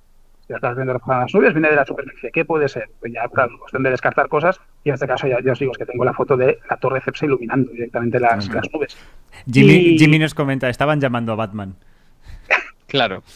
Pues no sabían hacer el símbolo todavía. No sabían todavía. Están, están todavía en ello. Y es verdad que se juntaron las cuatro cosas, las luces, las luces en las nubes, Starlink, Venus y lo de los sonidos. Y hubo una temporada, hubo ahí que dos, tres semanas que fueron insoportables, la verdad. Lo de los sonidos Es que- tiene toda la pinta, me parece que. Mira que se dijo mucho que eran fenómenos atmosféricos, algún tipo y tal. Mi sensación es que fue sesgo de confirmación de no prestar atención. De que nunca te prestas atención porque estás ocupado, estás en casa aburrido y empiezas a escuchar cosas que antes, pues no. Tiene toda la pinta. Tiene toda la pinta. Pero aún así había ganas de hablar del fin del mundo, de hablar de las trompetas de Jericó y, y relacionarlas con esas cosas y sacar temas ya casi místicos religiosos. Es más, por esa etapa, esa temporada también se habló sobre el mar de Galilea, que según ellos estaba desbordando y estaba viendo unas ondas loquísimas. Vas a la noticia y no había nada, nada de información al respecto. Que había aumentado un poco el nivel, pero no con cuestión del 2020, sino los últimos años. Y esto yo creo que pasó en general con todo. La Claro, gente se también- metió en la dinámica de 2020, de apocalipsis está llegando, y empezó a ver barbaridades donde no las había. Exactamente. Eh, Tim Cocky, muchas gracias por tu suscripción. Y también otra cosa que, que hubo fue que se empezó a dar cuenta la gente de que el campo magnético fluctúa de vez en cuando y como coincidió con una fluctuación también están entrando naves alienígenas a través de y, y ahora están descubriendo también que el Sol tiene, tiene ciclos. No sé si lo habéis sí. visto. Esto hace no mucho publicaba, no sé qué medio The era, Sun. el Sol se está apagando. Ujú. Porque no tiene manchas solares. Es como, pero vamos a ver, pero que no se está apagando. Además, que yo siempre lo digo, cuando la gente me pregunta, no, ¿cómo morirá el sol? ¿Cómo se apagará? Y digo, no, no, las estrellas cuando mueren no se apagan, brillan todavía más. Entonces, Ujú. que se apagase sería desconcertante. Pero, pero no, simplemente la ausencia de manchas solares, ¿no? Y hay gente que, que, claro, si no saben reconocer Venus, imagínate eh, cómo van a saber que el Sol pasa por un ciclo Claro. de 11 años en el que van apareciendo manchas solares, y que cuando está eh, en el final del ciclo no es raro que no haya manchas solares durante muchos días, se lo toman como una señal más del fin del mundo. Y dices, "Bueno, vamos a ver, relax. Y vamos, que esto vuelve a ser lo mismo. Era una noticia que habían publicado en un periodo, periódico amarillista británico, que era. The Sun, aunque no tiene nada que ver con el sol. Y a partir de ahí ya empezaron a hacerse eco en todos los periódicos de aquí. Una barbaridad. Sí, De Sana hay que decir que eh, suele empezar muchas de las noticias de asteroides que no van a pasar cerca de la Tierra y que eh, la NASA termina contestando. Muchos eh, salen de, de The Sun, pero hay que decir que yo he visto algún rumor de asteroide que supuestamente iba a chocar contra la Tierra, al que la NASA termina contestando, que empezó en medios de habla hispana. Hmm. Eh, pasó el año pasado, no recuerdo qué, qué asteroide fue ahora, Bien, pero nos, nos vamos poniendo en cabeza. eh, sí, sí, sí, sí. Qué maravilla. Es- o sea, La desinformación, que no, no hay manera de, de, de meterla en vereda. No hay manera. Sí, sí, sí. Pero es una cosa que toca las narices, porque en realidad eh, es lo que decíamos antes. La, ciencia es interesante y es súper vendible. Es muy vendible. ¿Cómo es posible que en tantas redacciones del mundo la única opción interesante que vean es hay que encontrar algún asteroide destructor para hablar? Cuando además no hay ninguno, porque además estoy yo siempre, que siempre me, me canso de decirlo cuando me llaman a, a hablar en alguna radio o algo, digo, de los asteroides que se conocen a día de hoy, en los próximos 150, 200 años no hay ninguno que tenga posibilidad de chocar con la Tierra. Más allá de eso, pues, pues puede ser porque, claro, a medida que va pasando, cuanto más grande es el periodo de, de cálculo, más grande es la incertidumbre, más posible Claro. es que algún efecto gravitacional en 250 años, por ejemplo, haga que eh, algo que parece que hoy en día no puede chocar con la Tierra con la trayectoria actual, resulta que haces el cálculo dentro de 100 años y sí que dentro de 250 años pues choca. Claro, no se puede saber. Pero los próximos 150 a 200 años, en lo que a nosotros concierne, quiere decir que no tenemos de qué preocuparnos. Luego siempre queda la duda de los asteroides que no se conocen, que los hay también, claro. De esos a lo mejor alguno se puede venir contra la Tierra. Pero Claro. si fuese así, si, si realmente hubiese un asteroide que fuese a chocar contra la Tierra, siempre lo digo, Mm. digo, lo único que hace falta es encender la televisión. Si en todos los, los programas están hablando de un asteroide que va a chocar contra la Tierra, la noticia es real. Es así. O sea, es así. Si leéis una noticia de un asteroide podría chocar contra la Tierra, enciendes la tele y en ningún sitio están hablando de eso, no hace falta que sigas leyendo. Es verdad, es tal cual. Que por- Si pasa algo ya nos enteraremos. Que, que por otro lado, eh, ¿sabes? Una cosa positiva de todo esto, o negativa, vamos a verlo, porque a lo mejor an- andar siempre con va a venir un asteroide y vamos a morir todos y al final no ocurre nunca, pues es lo que inmuniza un poco a la gente de estas alertas cuando no tenemos todos los neos catalogados Mm. y no los tenemos todos bien, bien caracterizados sobre todo. Es decir, Tenemos por aquí, sí, tenemos por aquí en el chat, Sí. es que es a raíz de todo esto, de estos titulares sobre asteroides que van a impactar o sol que se va a apagar y causar un apocalipsis. Tenemos a Luis Cortés Briol, siempre me cuesta tu apellido Luis y mira que te quiero, ¿eh? Luis Cortés Brinol. Y nos dice lo siguiente, dice, si lo piensas, nada hay más atractivo que lo que puede matarnos. Por eso vende tanto las noticias de malos augurios. Claro, ahora yo te digo, eh, corrige Briñol, pero no hay aquí. Bueno, pues eh, Luis, ¿estás bien? ¿Tienes algún problema que te atraen las noticias del fin del mundo? ¿Tienes algo que contarnos? un abrazo a Luis, que ha sido aquí Exacto. múltiple invitado y, e incluso conferenciante. Pues sí, pero es verdad lo que, lo que comenta. Estas cosas atraen, estas Mm. cosas llaman la atención y aunque sea por decir, vaya, esto sí que me atañe directamente y no las noticias que parecían más ambiguas de hace unos días, pues la gente va, clica. ¿Y qué pasa cuando clicas? Que el periódico confirma que esas noticias son rentables. Y más noticias al respecto. sí, sí. Pero bueno, aún así eso, aún, aún así el tema de que, no, o sea, si, si realmente tuviéramos una amenaza de neo gordo que hubiera haber un problema, no hay un protocolo. O el protocolo es pues como el protocolo que teníamos con el COVID, ¿sabes? Sí, a ver, está la NASA trabajando en el programa de desvío de asteroides, pero, pero claro, todavía está, todavía está verde.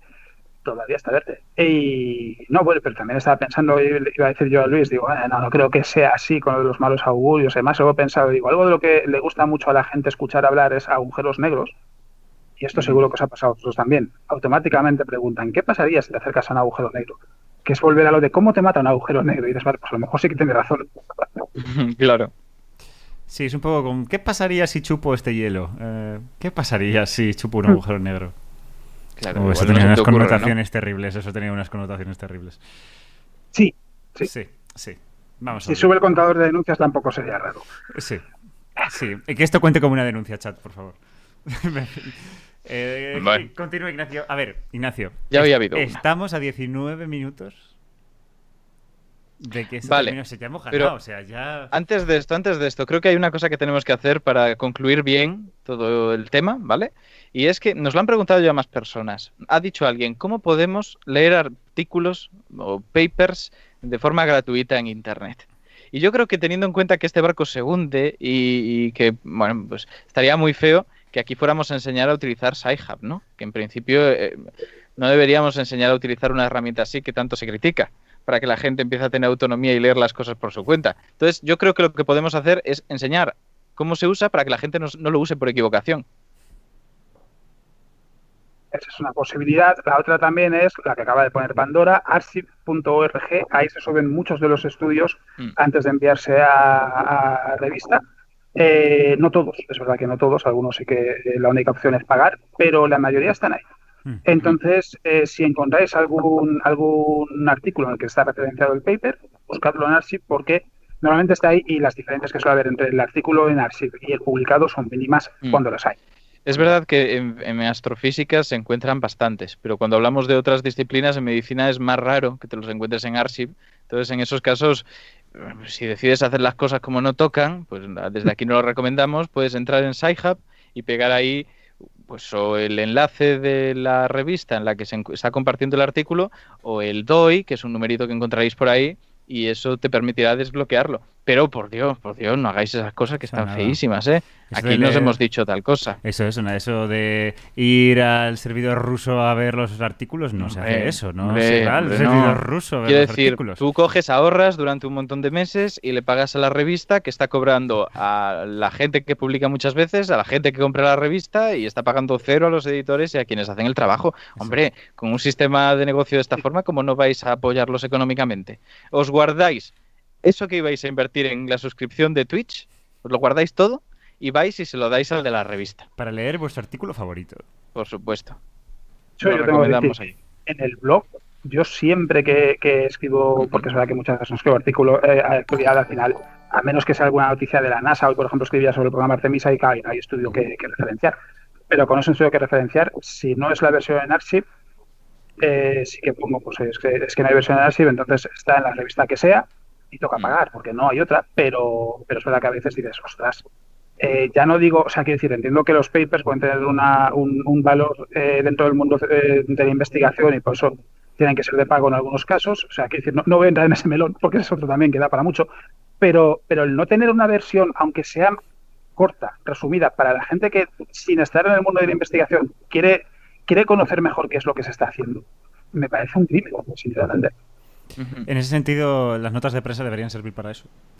eh, desde los centros, pero creo que lo que falta es un lugar en Internet que unifique todas las notas de prensa de todos los centros de investigación del mundo, como es a lo mejor Archive Mm. para los preprints. Pues, eh, si, hubiera, si hubiera algo así, una plataforma de las notas de prensa, pero no siendo notas de prensa, me refiero, simplemente los artículos puestos ahí, pues podría ser una fuente, una manera muy bonita, una manera muy bonita. Que encima Pues sí. provengan de eso, de que los perfiles de los centros están ahí, que se sepa que proviene de los perfiles de. que, no, es, no es de terceros, no es como nosotros, que podemos ir, ir, ir eh, rogue, ¿sabes? Podemos ir a lo loco. Sino de los propios centros, yo creo que estaría guay. Pues sí, totalmente. Era por dar simplemente ese punto ya de absoluto descalabro del programa, no recomendando. Eso, no que- recomendando libros, no recomendando canales de YouTube, es recomendando los, los artículos originales. Claro. A ver, que lo podéis contar, a ver, se puede contar, si esto lo podéis contar, si está claro, está, el barco se está hundiendo, que es decir, dónde se está hundiendo, se está hundiendo en los mares del sur y ya está, no pasa nada. Claro, Ahí, exacto. Ya, si queréis ciencia, pues venga, ahí. Venga, ahí. Bueno, decías que quedaban, antes de que te interrumpiera Crespo, 15 minutillos y entiendo que es ya para ir concluyendo porque Sí. la idea es que, que Alex Sí, a ver, se vaya a su canal para poderle hacer la raid. Porque a Alex le llevamos haciendo raids desde demasiado tiempo y creo que es el día en el que Alex hoy decide qué va a decir el chat cuando entre en su directo o cuando hagamos la raid. Pues, pues mira, estaba pensando, porque ayer decía, no, va, podéis decir, Plutón, Plutón siempre será un planeta, pero ¿sabes qué? Estaba pensando y, y digo, caray, nunca, eh, o sea, siempre nos habéis hecho muchísimas raids. Y al final, pues sí, alguna vez puede hacer yo raid, porque empezaba antes por algún lanzamiento o algo así, pero la verdad es, siempre he sido yo el que está recibiendo. Así que lo que creo que deberían, sí, pero lo que creo que deberían decir y creo que es lo, lo justo es muchas gracias por los crespos. Y, Jo, qué bonito, qué eh, bonito, por favor, qué eh, bonito. Qué bonito, qué bonito. Eh, ya no en Ah. el mensaje, pero eh, que espero que os vaya todo genial, más allá de, de esto. O sea, ya, ya veremos qué pasa con lo que estáis tramando, pero espero que os vaya bien. Hay, hay cosillas, hay cosillas Alex, que contaremos. estamos planeando cosillas. Tú no te preocupes. Esto es el fin. No, sí, ya me lo imagino. eh, no para nadie. Eh, este es el fin posiblemente de Chucrespos One Chat. Ahora, ahora lo vamos a comentar con un poquito más de ahínco.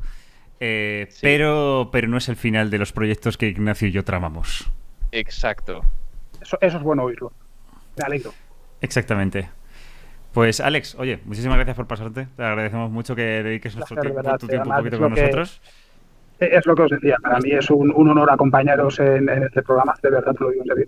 Y, y vamos, eh, encantadísimo de haber estado con vosotros. Ah, el honor es que hayas venido. Estamos encantados y además que hayas decidido esa frase en lugar de hablar de Plutón, eso para nosotros tiene muchísimo valor, muchísimo. Hay que ser diplomático, ¿no? Sí. Exacto. Ha sido una historia de diplomacia muy grande. Pues, pues nada, mientras vosotros os despedís, eh, voy a aprovechar Te, dejamos partir, te dejamos, Perfecto. ¿sabes? Coger un, bor- un bote del Titanic, Un bote apartar, salvavidas. apartar a los niños y a las mujeres, ponerte tú, salir. Sí, le, le daremos un rato, haremos hasta y media y Sí, no entonces te le mandamos a la gente. Y entonces le mandamos a la gente a on, Claro. on time, ¿vale? On- in time, Exacto, time, sí.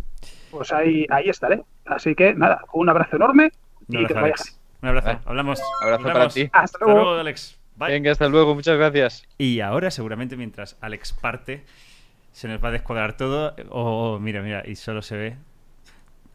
A ver, su carita. Mírale, mírale.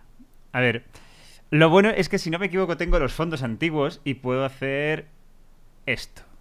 Oh, Y no se ve Bien. nada. Y no se ve mi cámara, genial. Espérate, vamos a volver al yo- general. pero yo te estoy viendo, ¿no? no, te, no... Ah, hola claro. de nuevo. Vale, esto no pasa nada, chicos. Esto, esto lo, lo resuelvo en un, en un plin. Agua. Claro, será- será un segundito. aquí Pero qué magia, qué magia. mía. Vale, vale. Esto lo vamos a resolver en un segundo. chicos. Uy, se escuchan, se escuchan camiones. Sí, es- son, tuyos. ¿no? Son tuyos, ¿no? Eh, Bueno, no, no son míos, son tuyos, No, Crespo. no, no, no son míos, no son míos. Pero si no son míos ni son, no son tuyos, ¿de quién puede ser? ¿De Alex? ¿Es posible que haya otra persona por aquí? ¿Hay otra persona por aquí? No, no, no, no hay ninguna persona por ¿Ha- aquí. ¿Hay otra persona por aquí? Eh, eh, pero ¿me, has tendido una sorpresa? ¿O Si hay otra persona por aquí que se manifieste. No lo sé, no se ve nada, no, no se ve nada. Tu sorpresa sí es una Oh, sorpresa. no. Oh, no, pero realmente eh, pone Skype que está conectado. Eso es lo gracioso.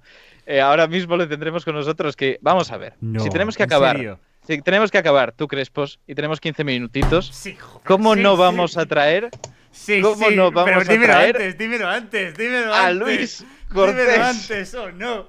Oh sí. Vale, a ver, a ver.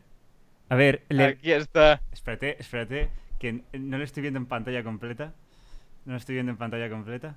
Ahora, ahora. ¿Qué pasa, Luis? Ya le ves, ya le ves.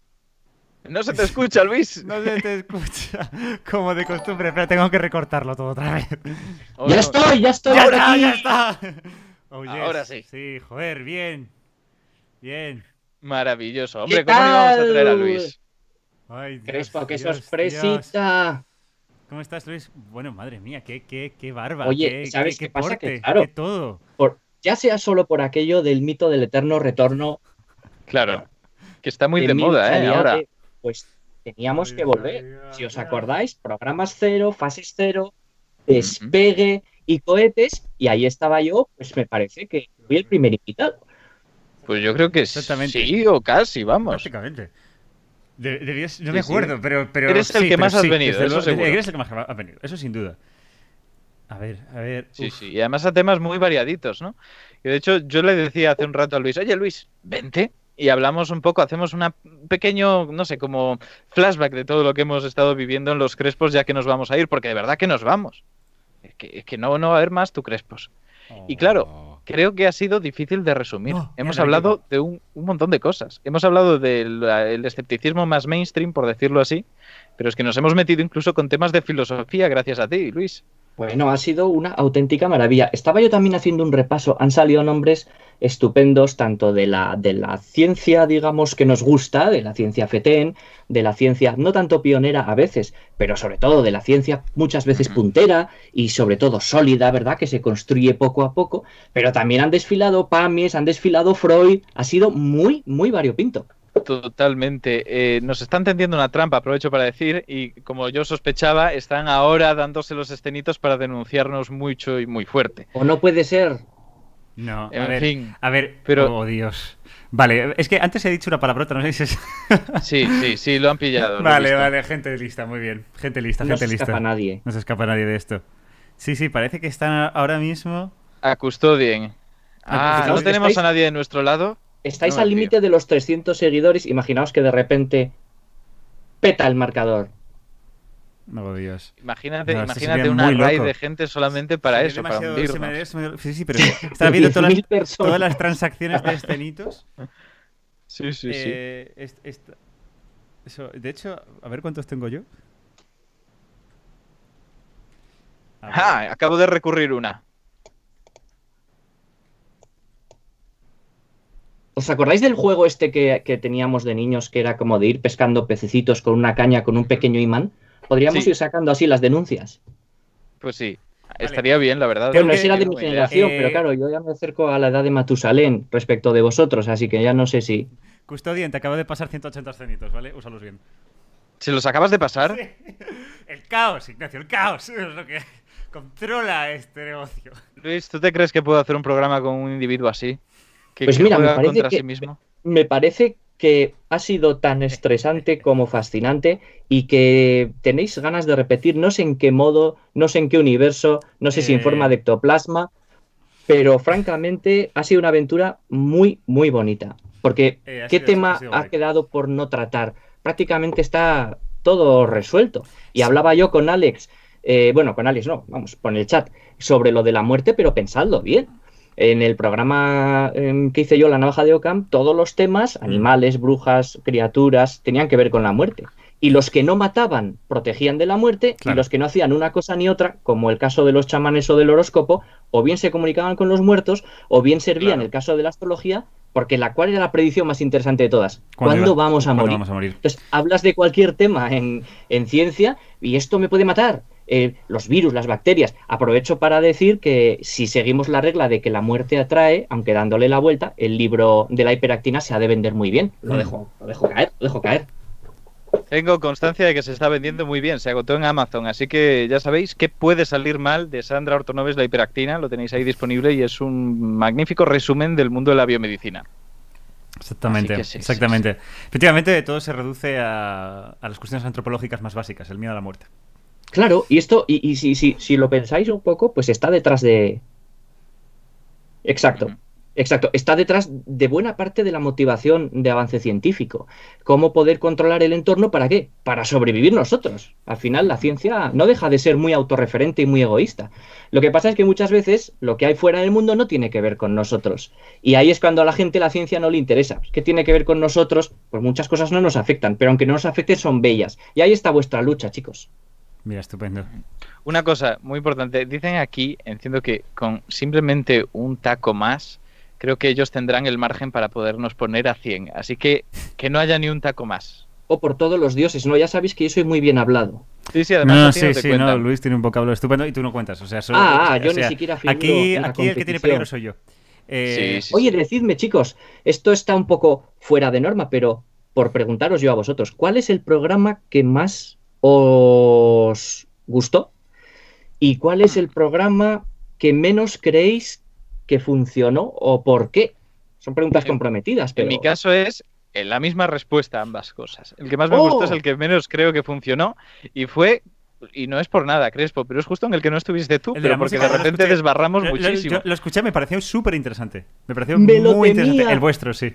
El vuestro. Pero fíjate, a mí mi favorito fue el de Héctor, el que hicimos Sí, con muy. Héctor. Muy interesante. Eh, y el peor, joder, es que no tengo ni uno que no haya funcionado.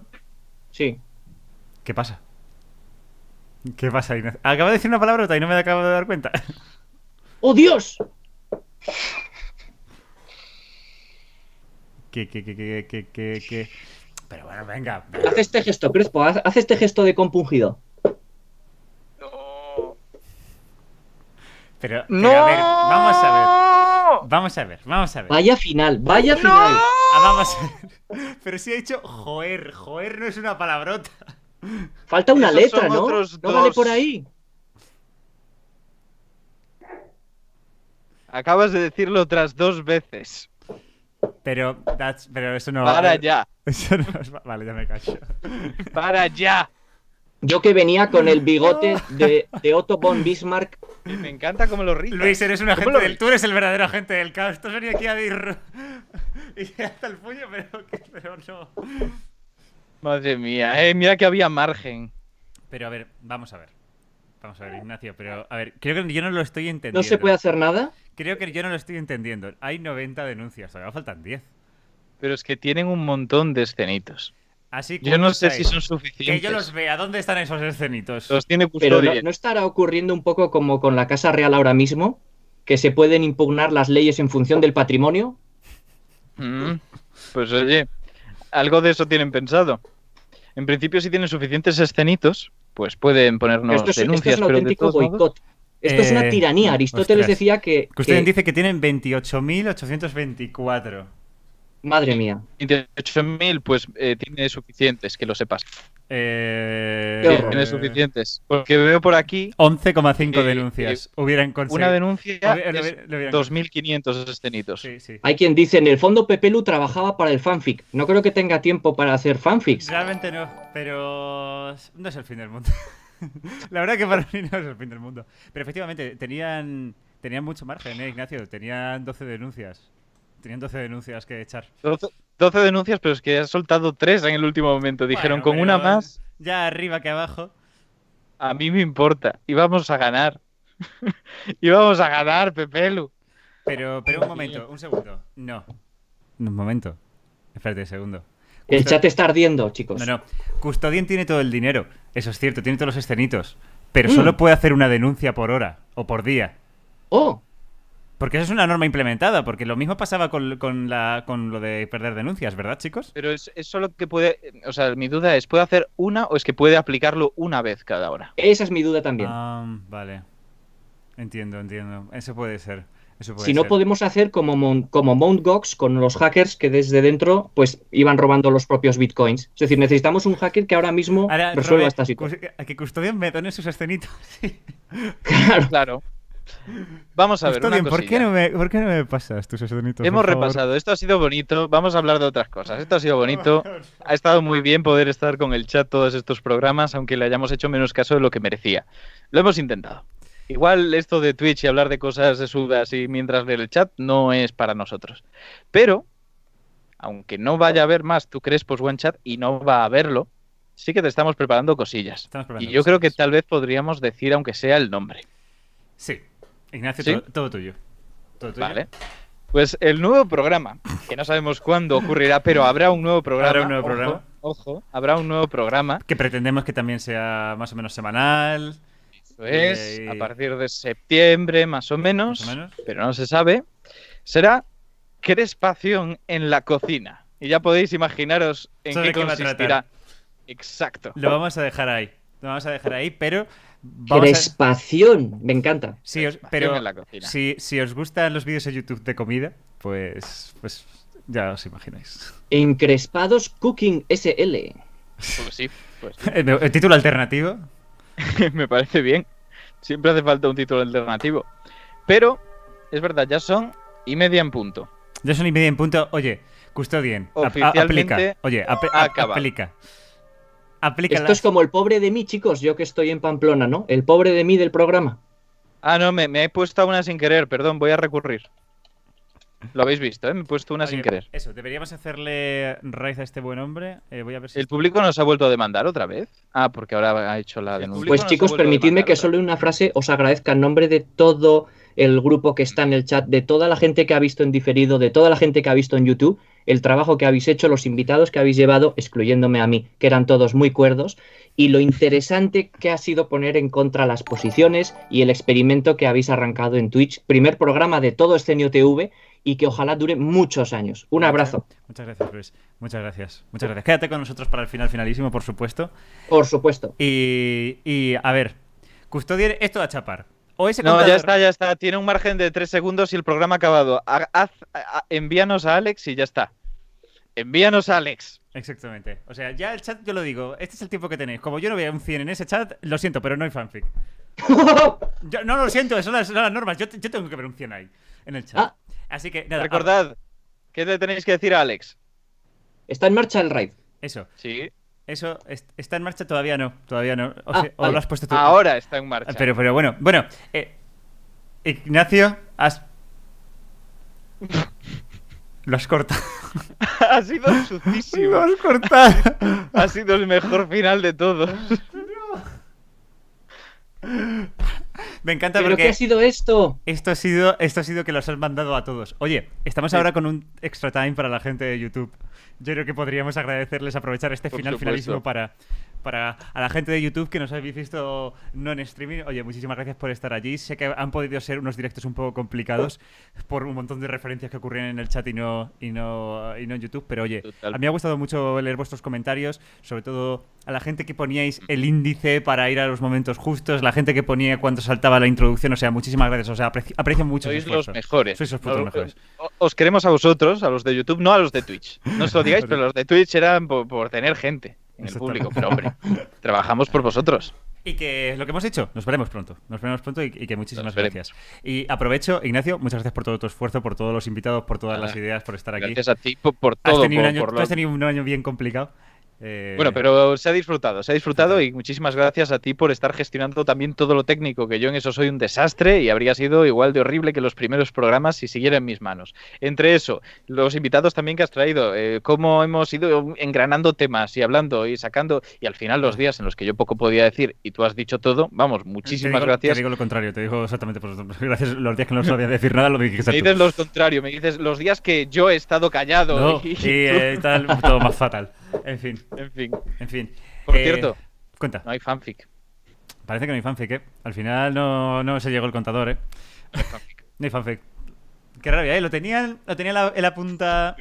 Casi, final ha las esperado normas- demasiado. Vaya. Han esperado demasiado. Vaya, vaya. Habéis hecho, habéis hecho de verdad una pareja espectacular, muy, muy, muy divertida. Bueno, Luis, muchas gracias. Muchas gracias. Y Luis, Pues a sí, ver, Luis, a ver cuándo te animas tú y haces algo por aquí. Claro. Pues, pues estoy, estoy dándole vueltas, estoy intentando casar todos los astros, estoy haciendo un poquito de brujería arcaica y arcana para ver qué puedo hacer. Ahora en porque- verano se queda todo muy vacío, ¿eh?